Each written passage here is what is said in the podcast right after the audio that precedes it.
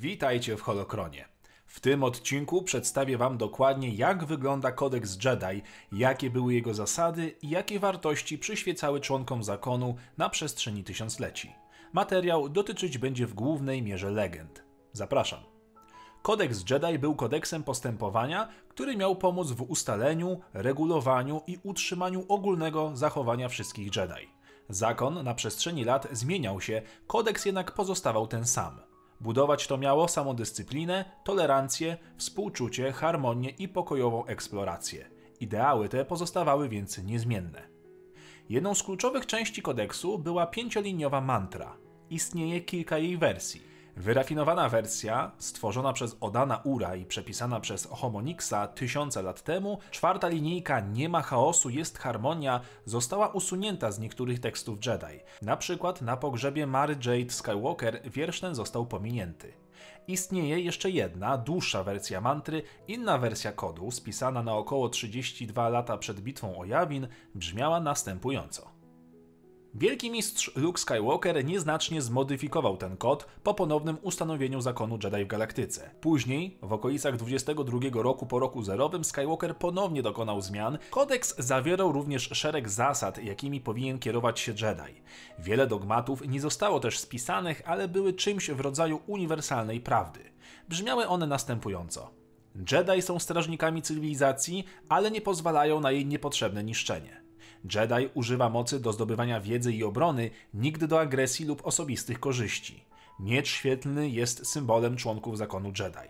Jeśli Jedi zapali swój miecz świetlny, musi być gotowy na odebranie życia. Jedi nie żenią się, z pewnymi wyjątkami, aby uniknąć przywiązania i, według Vergerera, aby nie tworzyć dynastii silnych w mocy. Warto to zauważyć, że w wielu okresach historii zakonu, takich jak era przed Exarkunem czy zreformowany zakon Luka Skywalkera, małżeństwo nie było zabronione. Celibat był wymuszany w wielu innych okresach historii zakonu. Jedi szanują siebie nawzajem i wszystkie inne formy życia. Jedi muszą przekładać potrzeby społeczności ponad potrzeby jednostek. Jedi musi chronić słabych i bezbronnych przed złem. Jedi zawsze musi współpracować podczas bitwy lub kryzysu. Jedi nie może mieć pragnień, musi wykazać się samodzielnością.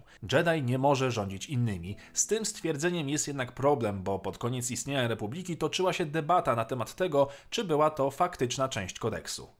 Mistrz Jedi nie może mieć więcej niż jednego padawana. Ta szczególna reguła rozwinęła się po starych wojnach Sithów, ponieważ większość starożytnych mistrzów, takich jak Arg Jet, Ton, Wodos Josk Bas czy Krynda Drai, nie przestrzegało jej. Mitra Surik jednocześnie szkoliła wielu uczniów ze względu na ich wrażliwość na moc i palącą potrzebę galaktyki dla Jedi. Jednak jeden praktykant na mistrza wydawał się być już standardem na około 32 lata przed rokiem zerowym. Z kolei z powodu braków mistrzów w Akademii Luka Skywalkera kilku padawanów było przydzielanych do jednego mistrza. Chociaż kodeks nie wspominał o maksymalnym wieku przyjmowania padawanów, mistrz Jedi, Simikarty, napisał interpretację kodeksu, które wprowadziły takie ograniczenia. Z czasem jego interpretacja kodeksu została powiązana z samym materiałem źródłowym. W erze Rewana uczniowie zostali zabierani już jako małe dzieci. Po zakończeniu nowych wojen Sithów przyjęło się przyjmować uczniów od dzieciństwa, co budziło kontrowersje wśród osób spoza zakonu. I odwrotnie, Naomi Sunrider rozpoczęła szkolenie jako osoba dorosła, podobnie jak uczniowie nowego zakonu Jedi Skywalkera. Wracając do zasad. Jedi nie zabije nieuzbrojonego przeciwnika, czyli w taki sposób jak Anakin Skywalker dokonał egzekucji hrabiego Duku. Jedi nie mści się, czyli tak jak Anakin na Tuskenach za śmierć matki.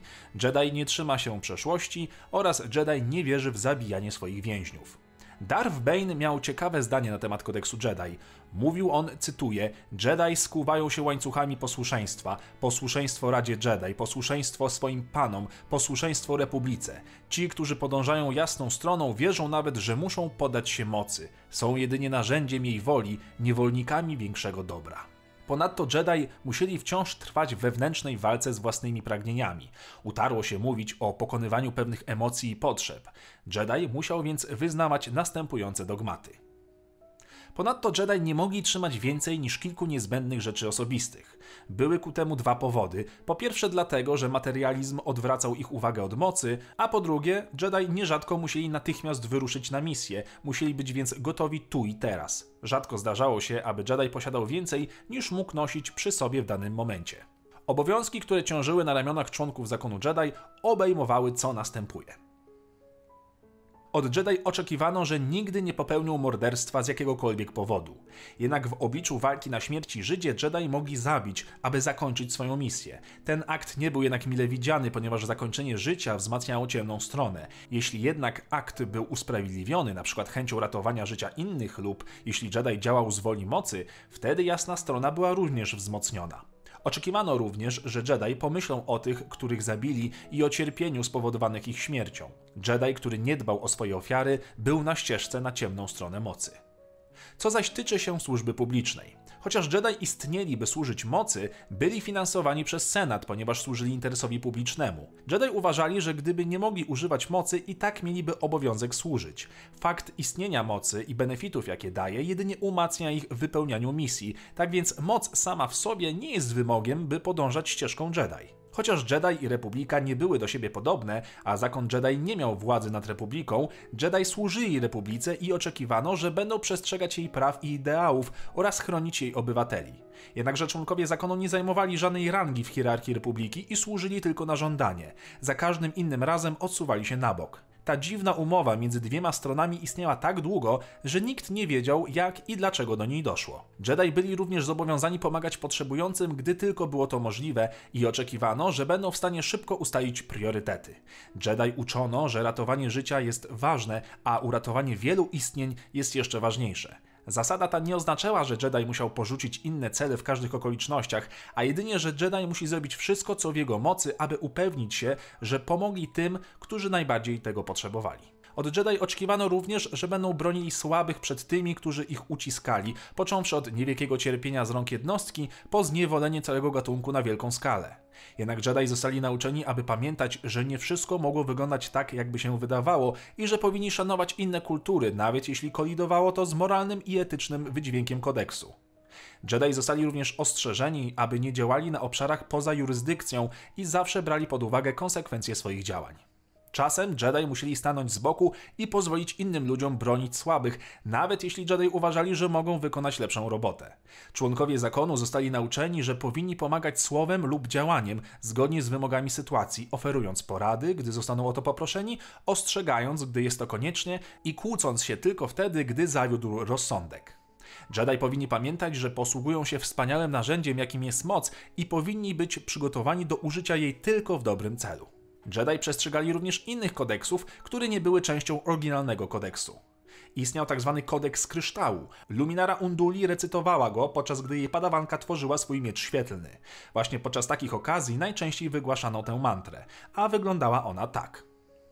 Co ciekawe, kodeks Jedi, a właściwie pomysł na niego, narodził się już podczas kręcenia Imperium kontratakuje. We wczesnych szkicach Luke Skywalker miał złożyć przysięgę przed odlotem na Bespin.